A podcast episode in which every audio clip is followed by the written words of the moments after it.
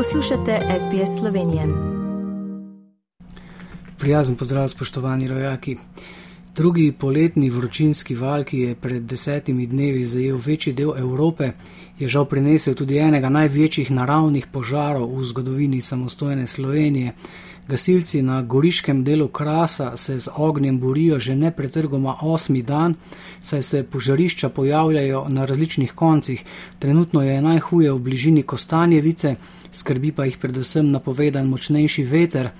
Na terenu je 24 ur neprekinjeno skoraj tisoč gasilcev iz vse države, pri tem pa še 300 pripadnikov drugih služb za zaščito in reševanje ter 130 sekačev, ki skrbijo za požarne poseke. Poteka tudi gašenje iz zraka, na pomoč pa so prišla tudi letala in helikopteri iz Hrvaške, Slovaške, Mačarske in Srbije. Požar presega več kot 2000 hektarov gozdnih površin. Premijer Robert Golopa obljublja pomoč tako na sistemski ravni, kot tudi vsem posameznikom in podjetjem, ki so v požaru utrpeli premožensko škodo.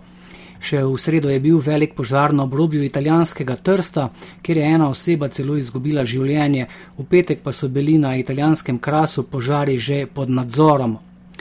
Zaradi vse večje draginje in nebrzdanega naraščanja življenjskih stroškov je vlada te dni sprejela nov paket ukrepov.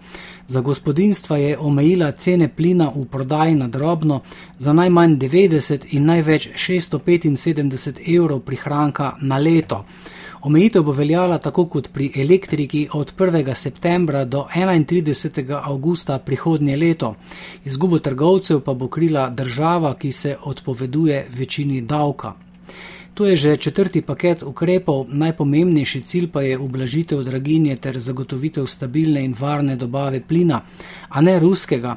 Vlada bo namreč pozvala odgovorne, da bi skupaj z uvozniki plina in ministerstvom pristojnim za energijo pripravili načrt z različnimi scenariji za opustitev uporabe zemeljskega plina ruskega izvora do leta 2025.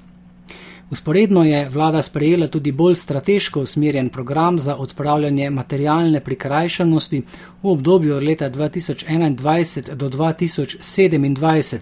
Zan pa je namenjenih skupaj 33 milijonov evrov.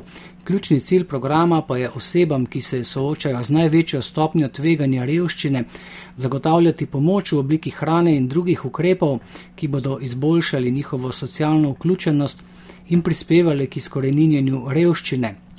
Do pomoči iz programa bodo upravičena gospodinstva brez delovno aktivnih članov z vzdrževanimi otroki, pa delovno neintenzivna gospodinstva, brezposelni, upokojene ženske, še posebej starejše od 75 let in enočlanska gospodinstva, še posebej enočlanska gospodinstva starejših od 65 let.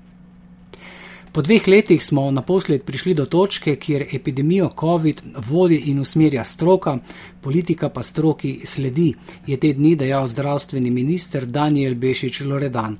Zavedajo se, da smo v novem valu epidemije, hkrati pa zagotavljajo, da ne bo zapiranja in ponavljanja ukrepov predhodnikov.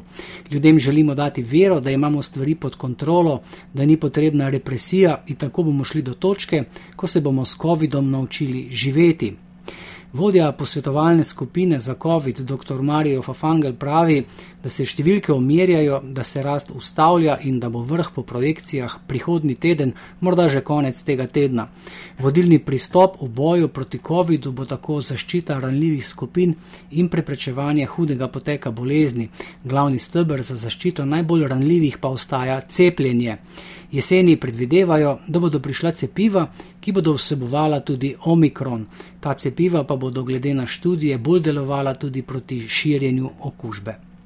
To so bile novice za danes. Ostanite zdravi in vse dobro do našega naslednjega slišanja za SBS ali Šlednik. Želite slišati sorodne zgodbe? Prisluhnite jim preko Apple ali Google podcasta, preko aplikacije Spotify ali kjerkoli drugje.